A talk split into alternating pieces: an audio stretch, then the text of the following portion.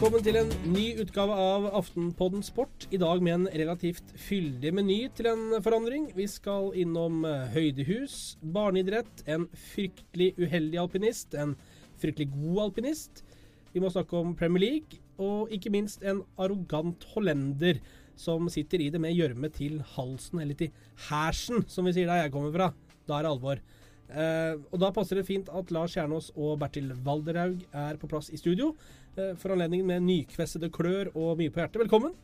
Tusen takk. Tusen takk, ja. Oi, nå slår jeg nesten ned mikrofonen her. Eh, Bertil, nå er vi alle spente på hvordan går det med smørekurset? Hva er status der nå? Ja, det er pinlig, men jeg måtte melde avbud. Komplikasjoner på kveldstid gjorde at jeg ikke fikk eh, tatt det smørekurset, så nå tror jeg rett og slett at det går over til friteknikk, og så eh, er det bare glider. Du, Det er noe som heter smørefri ski. Har du vurdert det? Nei, det går ikke. For det har ingenting å skylde på.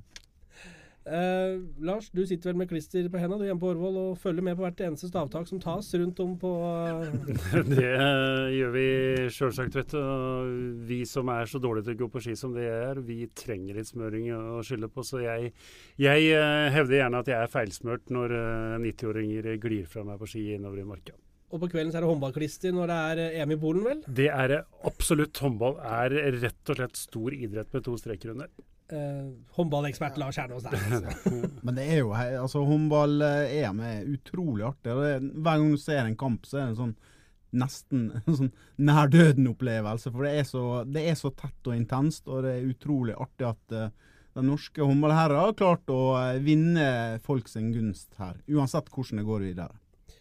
Vi skal snakke om mye, som nevnt, men eh, karer, jeg føler vi skal starte med kunstig åndedrett. Eh, For tirsdag denne uken eh, så ble det vedtatt i styret i Norges idrettsforbund at de skal følge opp sitt eget vedtak fra i fjor, nemlig at bruken av høydehus skal fortsatt være forbudt. Nå vil de også forby det internasjonalt.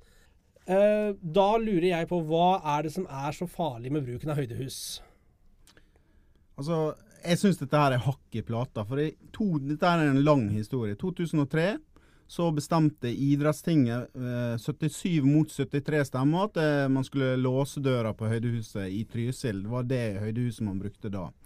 Og utgangspunktet da, som nå, var at vi skulle prøve å påvirke resten av idrettsverdenen til å ikke bruke kunstig stimuli, eh, høydehus og eh, oksygenmaske og, og sånne type ting. Siden 2003 fram til i dag, 14 år seinere, så er det bare Norge og Italia som har det forbudet. Og jeg syns det blir litt sånn hakk i plata å si at de skal prøve å påvirke andre. Da må de gjøre det skikkelig. Og jeg syns tankene er edle og gode, så får vi håpe at, eh, at de lykkes. For akkurat nå så er Norge moralens voktere og etikkens fanebærere i internasjonal idrett. Lars, er det sånn at det er vi som har misforstått noe her, og alle andre åpenbart har skjønt det, eller? Jeg, altså jeg, jeg har endra meg litt jeg, på, på den, øh, den diskusjonen her den siste tida. Jeg har vært helt på linje med det Bertil sier, og er på mange måter øh, enig med veldig mye av det du sier nå. Fordi vi har vært mer katolske enn paven i den diskusjonen, det er ingen tvil om.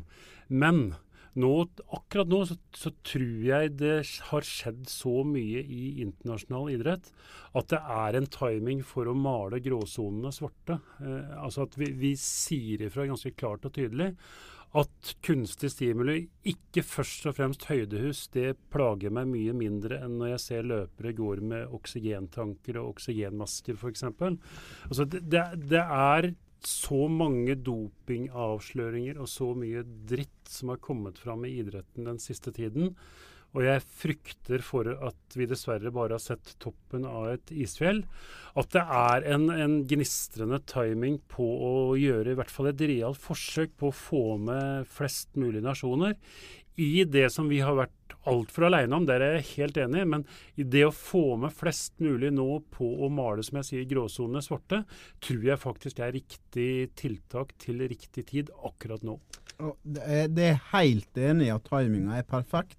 Men da hjelper ikke bare å slå på telefonen og, og tro at det løser seg da. Man må ha en klar plan. Og jeg stoler på at idrettspresident Tom Tvedt, som er en visjonær og klartenkende og, og veldig moderne idrettspresident Takk, lov, takk Gud, og, Gud for at vi har fått han som, som ny idrettspresident. Jeg tror at han kan klare å, å, å bruke all den makta han har, til å overbevise andre. Eh, og så kan man litt sånn flåsete si ja, man skal man da eh, ha forbud mot skitunnel i Torsby? Skal man ha forbud mot porselensbord i hoppbakka? Jeg er helt enig, Lars. Vi må få slutt på at de skal gå med sånne gassmasker, oksygenmasker og, og tanker på ryggen. Det, for det, det, ser dumt ut, spesielt når man kjenner dopinghistorikken i internasjonale idrett. Men jeg bare, jeg må bare lure på én ting, da. Hva er forskjellen på å reise på 2000 meters høyde i, i Valsenales eller sjekke inn ei uke all inclusive på ei lita stue i Trysil? Det er fordi du tukler med naturen, for meg. Altså, det å 2000 meter ligger på 2000 meter. Uh, Trysil ligger ikke på 3500 meter over havet. Det ligger et eller annet sted på 800 meter, eller hva det nå gjør. Så altså, du, du tukler, du gir kunstig stimuli. Så, for meg er gråsona går der. Altså, det som er mulig uten at du tilføres en eller annen form for kunstig stimuli som er ulovlig, det er, eh, det er greit. Alt, alt, naturlig er greit, men kunstig stimuli mener jeg faktisk nå er timing for at vi sier klart og tydelig for at det er faktisk ikke OK. Det er lett for Norge, da, rike nordmenn, som, altså spesielt i langrenn, som har mye mer penger og kan sende folk verden rundt.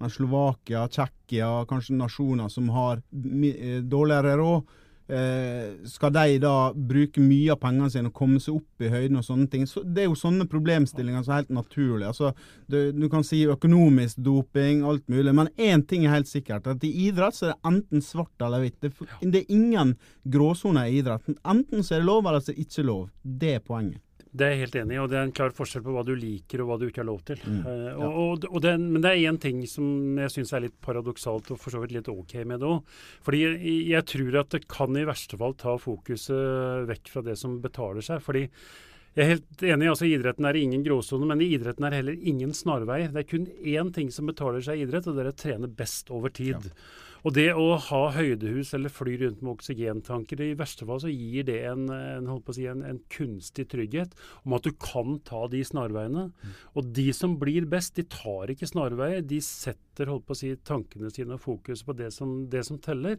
og lager treningshverdagen sin god nok. Altså en eh, Martin Jonsrud Sundby har ikke blitt best fordi han har flydd rundt med oksygentank på ryggen eller ligget i et høydehus.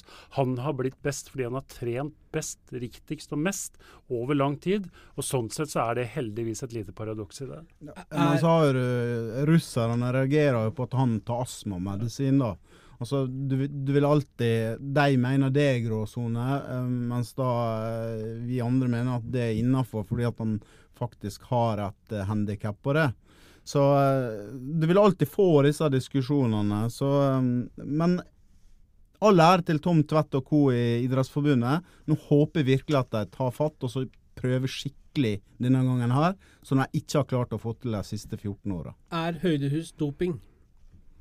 Nei, det er ikke, det er ikke doping for uh, å si 99% av verden. Og, det, og det, det, er jo heller ikke doping for oss. Doping er uh, å si noe, noe, annet. Så lenge det er lov i uh, Sverige, det er lov i Finland, det er lov der, så er det ikke doping. For oss er det forbudt, og sånn sett doping i den ene prosenten av verden som ikke tillater det. Um de har vært på jobb, da. Eh, altså eh, Idrettsforbundet her og Tom Tvedt. Du, du, nevnte, du nevnte, han, Bertil. Eh, eh, I tillegg til å forby høydehus, som det jo har vært siden 2003, så slår Tom Tvedt, eh, presidenten, nå et slag mot topping i barneidrett. Og dette er heller ikke noe nytt tema i, i norsk idrett, og dette her kan vi jo diskutere til vi blir Gamle og grå, eller enda gamlere og gråere. uh, men, men, dette her med topping i barnelinja, det er jo en klassisk. Vi hadde jo uh, for en uh, liten stund siden hadde vi en diskusjon med Norges Fotballforbund annet, på Ullevål stadion, hvor alle disse herrer var representert. kan ikke de som ønsker å tilby barn ekstratrening for å se hvor langt man kan dra talentet, få lov til å holde på med det? Ja? Jo, men jeg har lyst til å sitere uh, vår felles helt Kjellan Bigseth her. For han har lagt ut en Snapchat uh, nå. Der han det er lokalt, altså? For de ja, ja, jo, jo, men det er Han treffer. Og han sier i Hasungen fotball så slapp vi å toppe laget. Alle fikk spille, alle ble gode.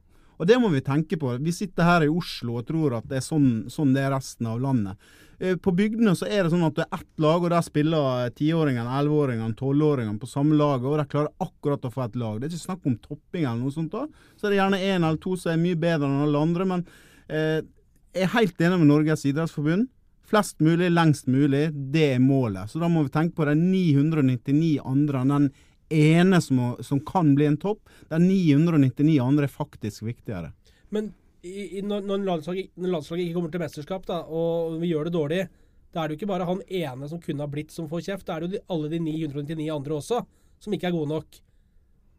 Altså, jeg er, eh, jeg er eh, om ikke opposisjon til, eh, til Fotballforbundet, for det, det, er jeg ikke. Er med på Bertil sier det riktig. Altså flest mulig, lengst mulig. Men det er en tredjemålsetting om flest mulig, lengst mulig, best mulig, er det de sier. Og jeg, jeg tror vi oppnår flest mulig, lengst mulig. Jeg tror ikke vi oppnår best mulig. Så jeg, jeg er der at jeg mener vi pakker ungene i for stor grad inn i bomull. Jeg mener at vi er eh, på jakt etter et uh, samfunn med idealtid i altfor stor grad. Jeg vil ikke være så engstelig for å differensiere mer, for det er det det handler om. Ikke toppe, men å differensiere mer enn vi nå gjør med, med barneidretten vår ja, for, her i dag. Ja, for det ene utelukker ikke nødvendigvis det andre her? Nei, det ene utelukker, utelukker definitivt ikke det. Men, men la oss ha én ting veldig klart. at det, det er ikke de minuttene minuttene du spiller ekstra i en kamp, eller hvem du spiller mot, som til slutt avgjør eh, om du blir god. Det er først og fremst på treningsinnholdet. Jeg vil at vi skal ha aksept for å differensiere mye mer da, enn det vi gjør per i dag. Fordi eh, hvis vi tar to nasjoner som vi naturlig kan sammenligne oss med eh, Kroatia har omtrent like mange innbyggere. Island har tiendeparten av det vi har omtrent. Begge de er bedre enn oss til å spille fotball, og begge de nasjonene får fram langt flere gode spillere enn de vi gjør. Det, det, første vi bør gjøre da, det er å, å, sitte og late som vi har fasiten på å nå alle de tre punktene som vi er inne på her, nemlig flest mulig, lengst mulig og best mulig. Og Det er derfor jeg sier jeg tror vi oppnår, og det er det viktigste av alt, flest mulig, lengst mulig. Men jeg tror ikke vi oppnår best mulig uten at vi er villige til å se noe på enkelte deler av den modellen vi har. Men, eh, så er det avveininger. Skal det være barnestjerne eller voksenstjerne? Et eksempel. Eh, Anders Pamer, Bergens Tidende, skrev en kommentar der han eh, var veldig enig med Tom Tvedt. Han, han skrev i den kommentaren at eh, Erik Husklepp han spilte på Vadmyra sitt B-lag Ti år etterpå så hadde han 25 A-landskamper. Det var veldig få som visste den gangen at han kunne ha 25 A-landskamper.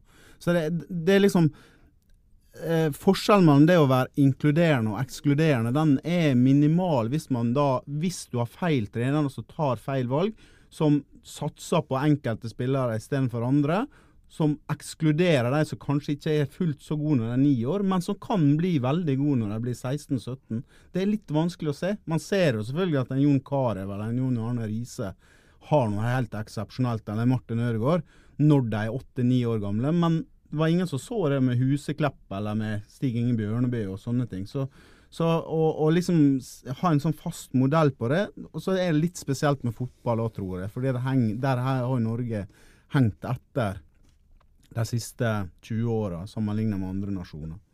Men, men hvis, altså, hvis, vi ikke skal lære ungene å tape, enten uh, holdt på å si, tape av og til uh, overfor seg sjøl, eller tape sammen med et lag på fotballarenaen eller på idrettsarenaen, når søren skal vi gjøre det da? Uh, og altså, Det blir litt det samme som når jeg kom hjem med min sjuende fuglekasse fra sløyden, mens andre kom hjem med, hjørneskap.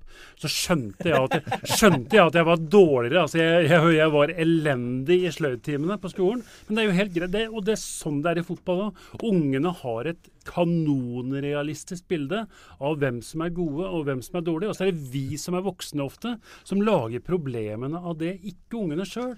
De har det helt greit, det. Og hvis du er på en turnering med, med, fem kamper i løpet av en helg, hvorfor kan ikke da de som er litt bedre, få lov til å spille når du da møter det beste laget, spille mer i den kampen? Og de dårligste da spille mer i den kampen hvor du møter det dårligste laget. For da får jo begge de som Bertil snakker om, og det er jeg helt enig og helt nødvendig, Vi skal selvfølgelig ta vare på alle. Men jeg tror at de som er dårlige til å spille fotball, faktisk har det mer ålreit. Når de da får spille mot folk på sitt nivå og opplever å mestre. Mye mer enn å være borti ballen klokka fem over halv sju, og så ikke være borti den igjen før dommeren blåser for full tid. Det er ikke noe god opplevelse. For da er det vel sånn at hvis alle skal spille likt, eh, som jo er en helt fair, det er en helt fair tanke, det. At, alle, at skal, alle, skal, få lov å prøve seg like mye. Og Sånn var det jo, husker jeg godt, når jeg selv spilte og, og fatter'n var trener. Det var jo, eh, Selv om han var helt ålreit da, det var ikke noe gratis å få da. Men for den som er god, da, som kanskje trenger bitte litt mer, matcha seg litt mer, er da er det jo kanskje den som blir skadelidende. Ja, det, Grunntanken i norsk idrett er god nok, men den, den sier at det du, gir, eh, det du gir til én, det må du gi til alle, sier grunntanken i norsk idrett. Og Det er den jeg vil Jeg vil ikke snu den på huet, for det skal fortsatt være den brede vei vi skal navigere etter. Men jeg vil korrigere den litt. Det må være mulig faktisk å gi noe til én som du ikke alltid trenger å gi til alle. Og Bertil nevner helt riktig eksempel. altså Jon Arne Riise, Stig Inge Bjørneby, eh, Erik Hushjelp. For det er veldig mange veier fram til å mm. bli god. Men så kan jeg ta tre andre eksempler. Martin Ødegaard, Caroline Graham Hansen og Mats Møller Dæhlie. Hvorfor ble de gode? Jo, fordi de fikk noe som nødvendigvis ikke alle fikk. Jeg så det lynlaget for gutter som Mats Møller Dæhlie ble flytta opp på en høyere aldersklasse, og som Caroline Graham Hansen fikk lov til å spille på selv om hun var jente. Det lynlaget så jeg fra de var bitte små, og det er ikke tilfeldig at de to fikk den muligheten som ikke alle andre fikk, fordi de hadde noe helt ekstraordinært. Og Hvis du skal følge, være slaviske på den norske modellen med at det du gir til én, må du gi til alle, så ville f.eks. ikke de fått den muligheten da for å få den ekstra stimulien. Og Det er det jeg vil ha en full aksept på hele veien, uten at du da blir sett, en, sett på som en skurk hvis du gir den den sjansen. Bertil, da er det sånn at enten så må du akseptere at eh, det en får, får skal alle få. Eller så må du ut da på private akademier og bruke penger på det for at du skal få den ekstra stimulien. Hva er uh er det greit, da? Ja, altså, Vi snakker om et storbyproblem her. Altså det, det, den utfordringen der har ikke på Hasund gått, eller på Kvamsøy eller eh, på Gursken, der Jan Åge Fjørtoft kommer fra. Eh, eh, så eh, jeg håper at alle barn har de mulighetene for å bli best mulig. Det er jo det som er viktigst for idretten, eh, uansett hva idrett du bedriver. Og så har jeg bare lyst til å si det med Lars om Sløyden. Vet du hva som sto i min vurderingsbok? det står at det, det, er greit at Bertil har ti tommeltotter i sløyd, men han kan i hvert fall prøve. ja, det, ja. Jeg fikk ikke det engang. Jeg, jeg fikk karakter, og den var langt verre. Okay, ja. ja, det er bra. Han utvikla seg fra 60 til 70-tallet. Ja. Men, men, det er én ting, altså, ting vi snakker om storbyproblem, og det er viktig. fordi den aller viktigste kampen fotballen og Tom Tvedt og Idrettsforbundet nå har, den er faktisk ikke toppinga lagd, men den er å sørge for at alle som vil trene fotball og være med på fotball, får lov til det. For det er også et storbyproblem ja. at vi har faktisk ikke treningsarealer, spesielt på vintertid, til å tilby den kampen. Og litt Det handler om begge deler. Jeg er, det jeg er mest redd for, egentlig, det er at vi gjør fotballen såpass såpass lite attraktiv at vi risikerer å miste ikke bare de dårligste som ser på seg selv som tapere, men også de litt bedre til mer attraktive enten idretter eller andre deler av oppveksten. Det er, det er ikke noe mangel på tilbud for en tiåring eller for en elleveåring eller for en tolvåring som ikke opplever fotballen som interessant nok eller attraktiv nok. Da risikerer vi i verste fall å tape, og da blir det i hvert fall ikke flest mulig, lengst mulig, best mulig av det heller. Vi snakker om at dette er et storbyproblem, men eh, hvor kommer de, eh, noen av de største norske idrettsstjernene fra? De kommer jo fra bygder. Og grisgrendte strøk, enten det er på Vestlandet, Nord-Norge, Trøndelag eller på flatbygdene på Innlandet. De kommer jo ikke nødvendigvis fra Årvoll og Frogner og eh, ja. Nei, bl.a. fordi de blir løfta opp på uh, alderstrinn mye høyere enn dem sjøl, og får lov til å få de ekstra stimuli som de er nødt til å ha på, på mm. bygda, fordi de, de, har rett og slett ikke folk til å gjøre noe annet. Men der åpnes jo uh, altså Jon Arne Riise, eh, Summershallen åpna jo klokka seks-halv sju for han da han eh, hadde lyst til å trene. her i Oslo så venta vi ti år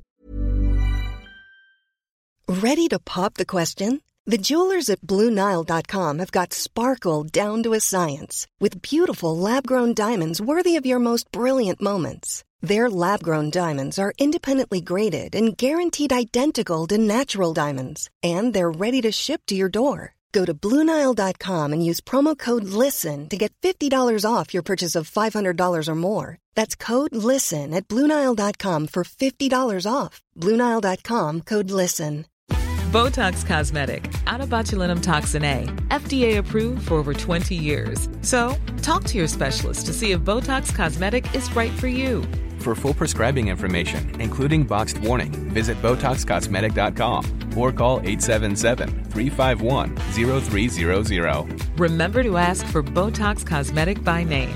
To see for yourself and learn more, visit BotoxCosmetic.com. That's BotoxCosmetic.com.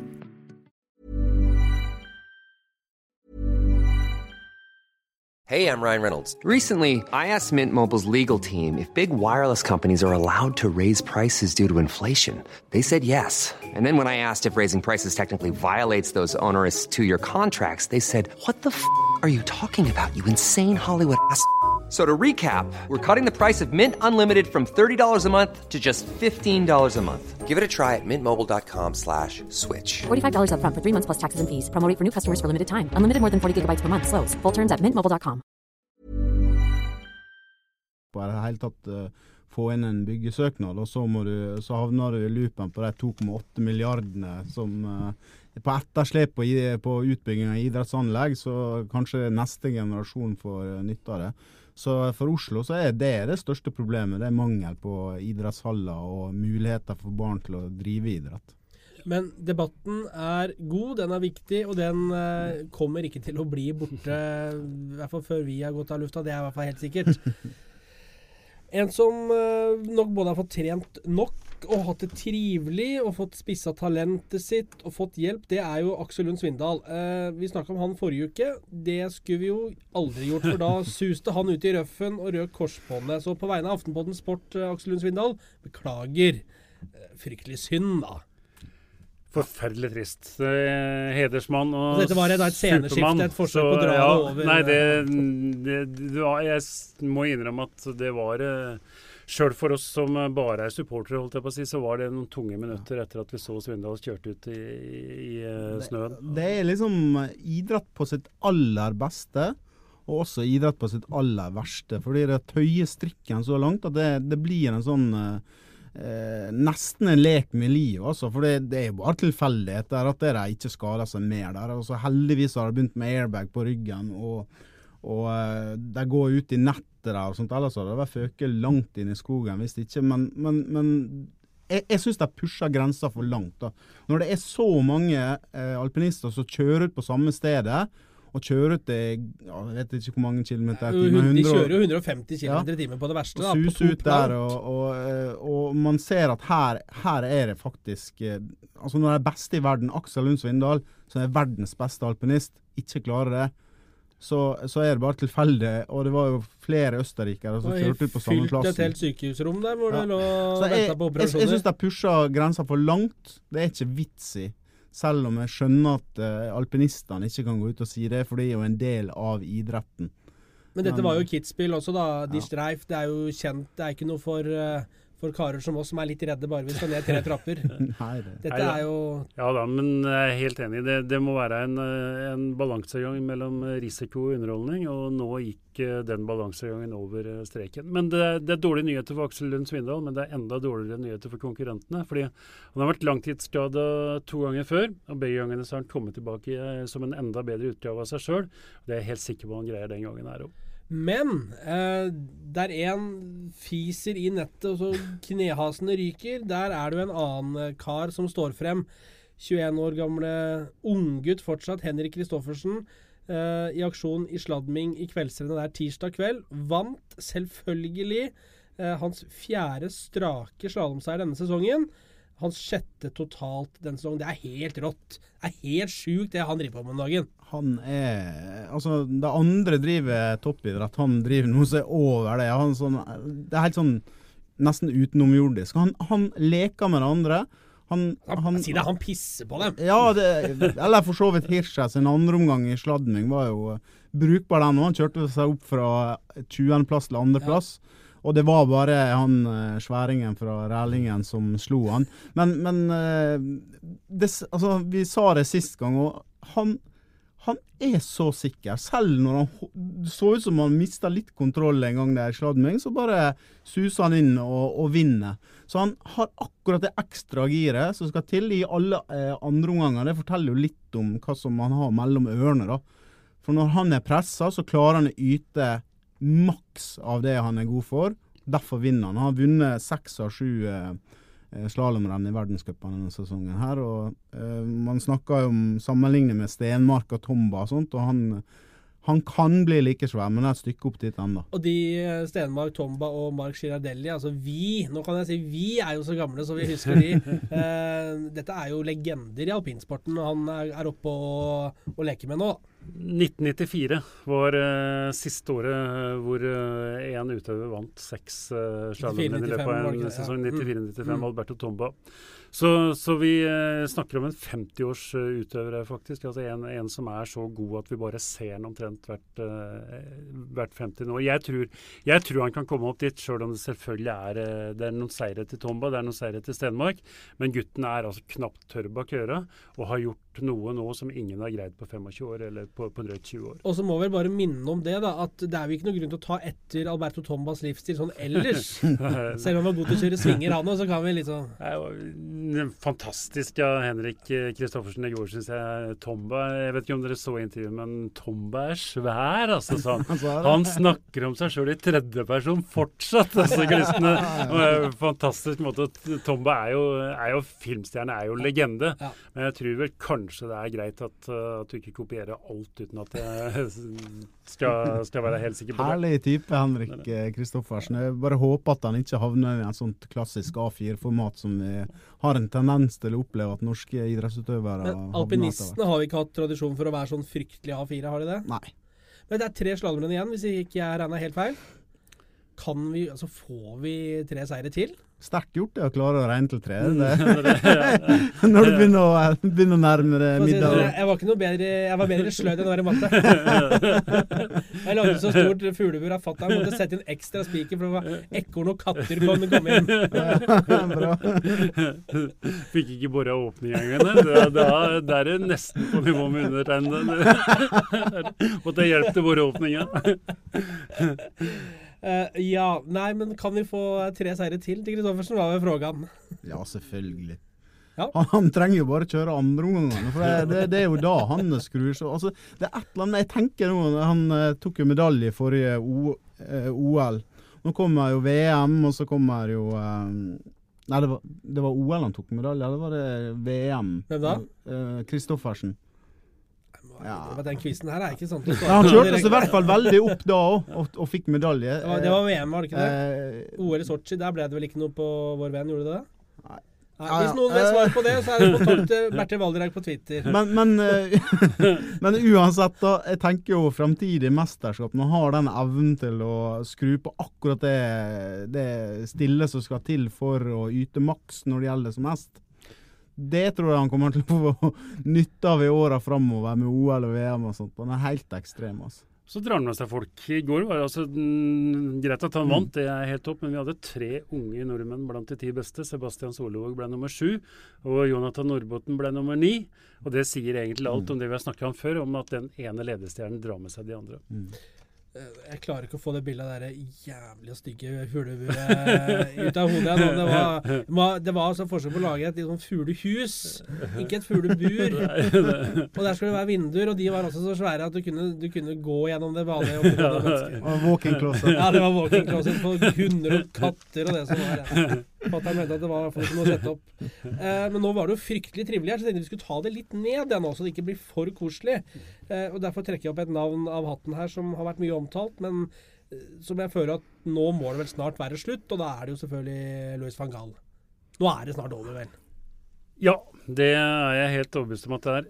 Det, det vil si snart som en av to ting. Enten nå eh, ganske umiddelbart, dvs. Si før sesongen er ferdig, eller senest til sommeren. Fordi det er tre måter å sørge for å få sparken på som fotballtrener. Det ene er å spille dårlig og få dårlige resultater. Det andre er å spille kjedelig som eh, går på akkord med det klubben egentlig skal stå for. Og det tredje er å oppføre seg på en måte som gjør at du får både spillere og eh, supportere imot deg. Og når det gjelder Louis van Gaal, så kan du etter min mening krysse av på alle de tre punktene. Og det betyr etter alt å dømme at det veldig snart er slutt for den. Så kan du snu på det, og så kan du ta Pochettino i Tottenham, som var stikk motsatt. Han lykkes med alt, og uh, han bruker mye mindre penger. og vi har jo en spalte med van Gaal som Kjetil vil ha her, og vi har en spalte om Tottenham som jeg vil ha. Men nå er det mer Det blir mer og mer berettiget for hver gang å snakke om Tottenham. Og hadde de slått Leicester, det jeg ikke helt skjønner. så hadde de vært serieleder i, i eh, Premier League. Jo, og det han er jo Pinocchio som trener, eller hva heter det for noe, han som trener Tottenham, altså, de ligger jo litt nedpå, men United er jo en stor klubb. Det er derfor vi snakker om de og Liverpool og Leicester og, og sånn.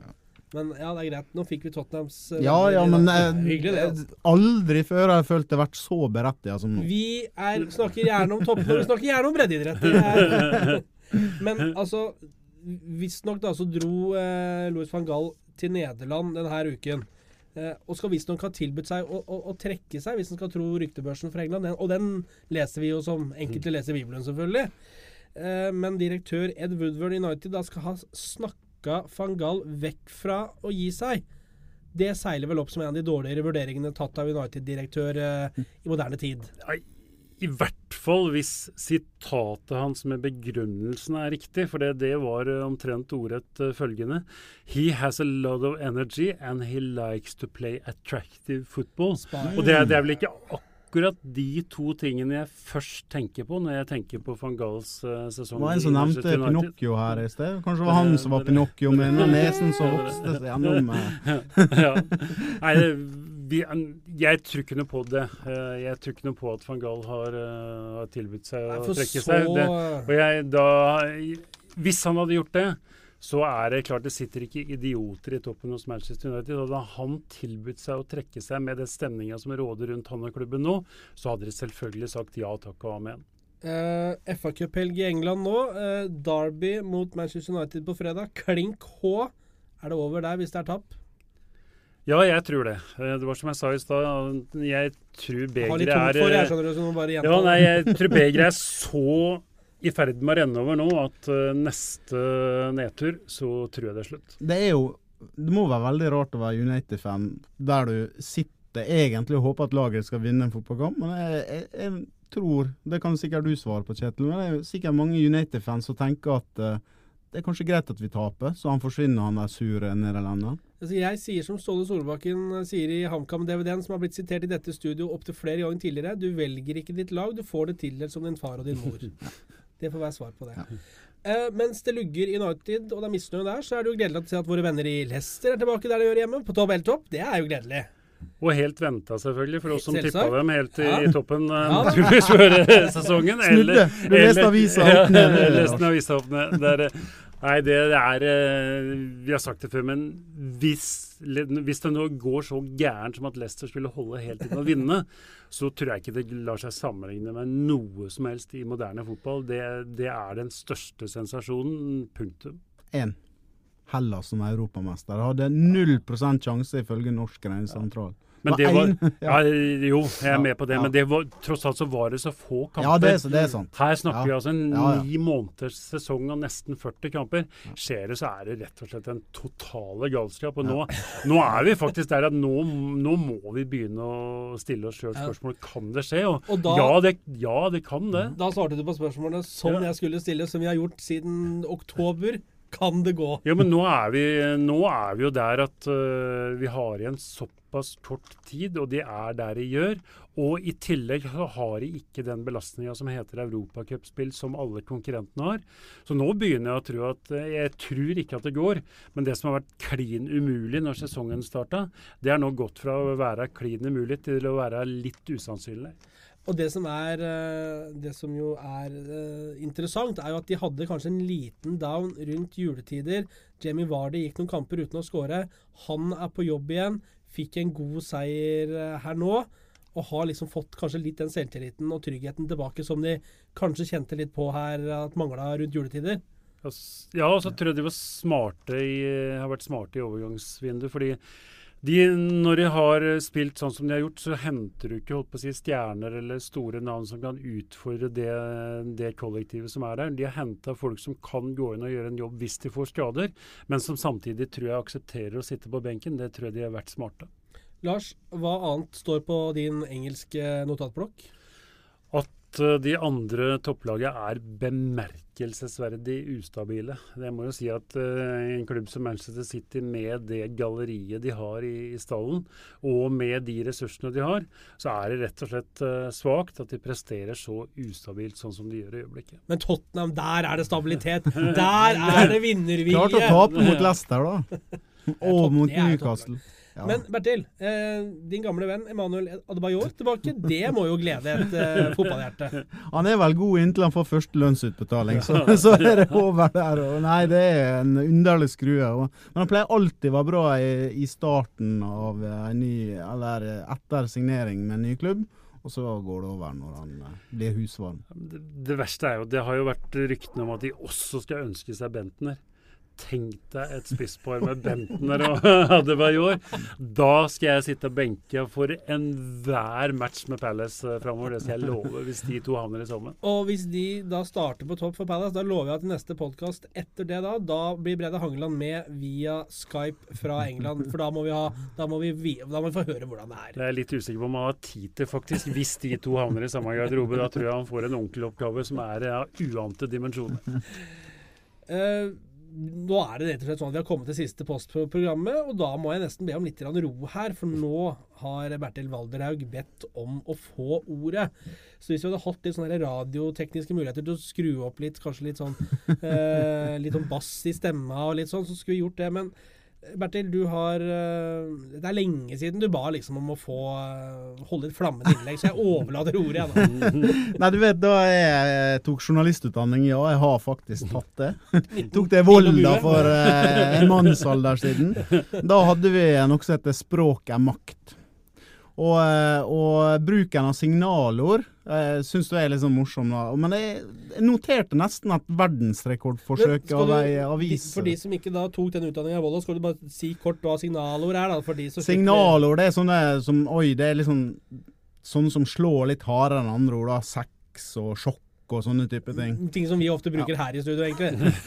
ja, kanskje. Jeg tenkte på når du sa 'sværingen fra rælingen', om det var en sånn Sabrura-vits, men det var det ikke. Nei, men det kan jo du. Det er, det er jo mottaker som definerer det. Uh, nei, uh, så leste jeg da i helga, etter at uh, Liverpool vant den der heseblesende kampen mot Norwich med 5-4.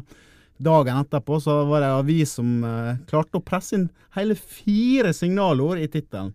Det var 'Crazy Klopp gikk bananas etter ellevilt nimålsdrama'. Da hadde han altså 'Crazy', 'Bananas', 'Ellevilt' og drama. Crazy hadde han fått med sex og sjokk i samme tittel, så hadde det, det hadde vært innertier. Klopp fikk sexshop etter ellevilt nimålsdrama. ja. ja, men jeg syns det var godt gjort å få til ja. så mange i samme tittel. Vil du name-droppe hvor du fant Hashtag dette? Hashtag ironi. Du, Vil du si hvor du fant dette? Eller nei, det, nei, nei folk kan google, så finner de det ut. men hvis det er noen som uh, Utfordring til lytterne. Hvis det er noen som har en, finner en tittel som har flere signaler enn det, så kan de gjerne sende en, en Twitter-melding til meg. Uh, her, uh, Bertil Valder er mitt navn på Twitter. Bertil Valder, ja. Der trengs det følgere, så bare der er bare kjør på, folkens. Kan anbefale. Men jeg har andre ting også. da sånn, ja. Lars hadde jo en sånn uh, brannfakkel som også er veldig klisjéfull, for det er ingen som kaster inn en brannfakkel her. For her er det så varmt likevel ja, det trengs en brannfakkel. Nei, men man sier at Jeg leste en tittel her om dagen at van Gahl vil kaste inn håndkleet. Og så, kaste inn håndkle. det sånn, sier de gjerne at det man kaster inn håndkle for han gir seg. Men, men greia er jo at det kommer fra bokseringen, det her. Og at den som kaster en håndkle, det er jo, det er jo han som står på sida og kaster det inn i ringen til, til eh, bokseren. Så når en utøver får, får beskjed om altså, Vi leser at han har kasta en håndkle, så har jo ikke han det. Det er jo treneren som har gjort det. Så kanskje du kan bruke på Fangala. Men det rare er jo at man sier man kaster håndkleet inn i ringen. Men det er ikke en ring, det er jo en firkant. Mm.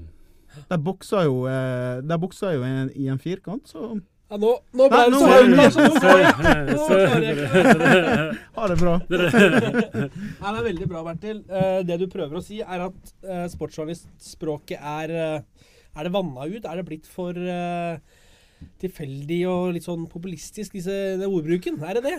Nei, men det, det går an å tenke seg litt om, da. Det, det norske språket er ikke så mektig som det, det engelske. Så når du skal bruke så ladde, kraftige ord, så må man eh, kanskje tenke litt mer over Altså Når du skriver liksom eh, Sarpsborg superspisser og skriver om Martin Wiik og Bojan Sajic, så blir det litt dumt. En superspiss, det er Messi og Ronaldo og Harry Kane, selvfølgelig. Og, og Lars, før du nå ser jeg nå detter det snart ut av munnen i går, jeg men bare, for, vi bruker jo ikke det i Norge fordi vi har ingen superspisser. Og Jo, er- jeg har vi, vi, bruker jo, vi spiller jo ikke med spiss her til lands, det vet Nei. vi jo. Nei, vi, det har vi eh, Vi lagt, det, det, det vi. vi lagt ned, Ja. rett og slett. Så, så det, derfor eh, vil superspiss eh, bli et eh, glemt ord. Det er vel egentlig bare å takke for en ellevill sending med masse drama og, og sjokksnakk. Historisk. Utrolig. Ikke- Vi kaster inn håndkleet, rett og slett. Vi kaster inn håndkle i ringen, ja. Og om det ikke skjer noe ellevilt, eh, så er vi tilbake med flere sexsjokk neste uke. Med nok en thriller av en sending. Hei! Bra.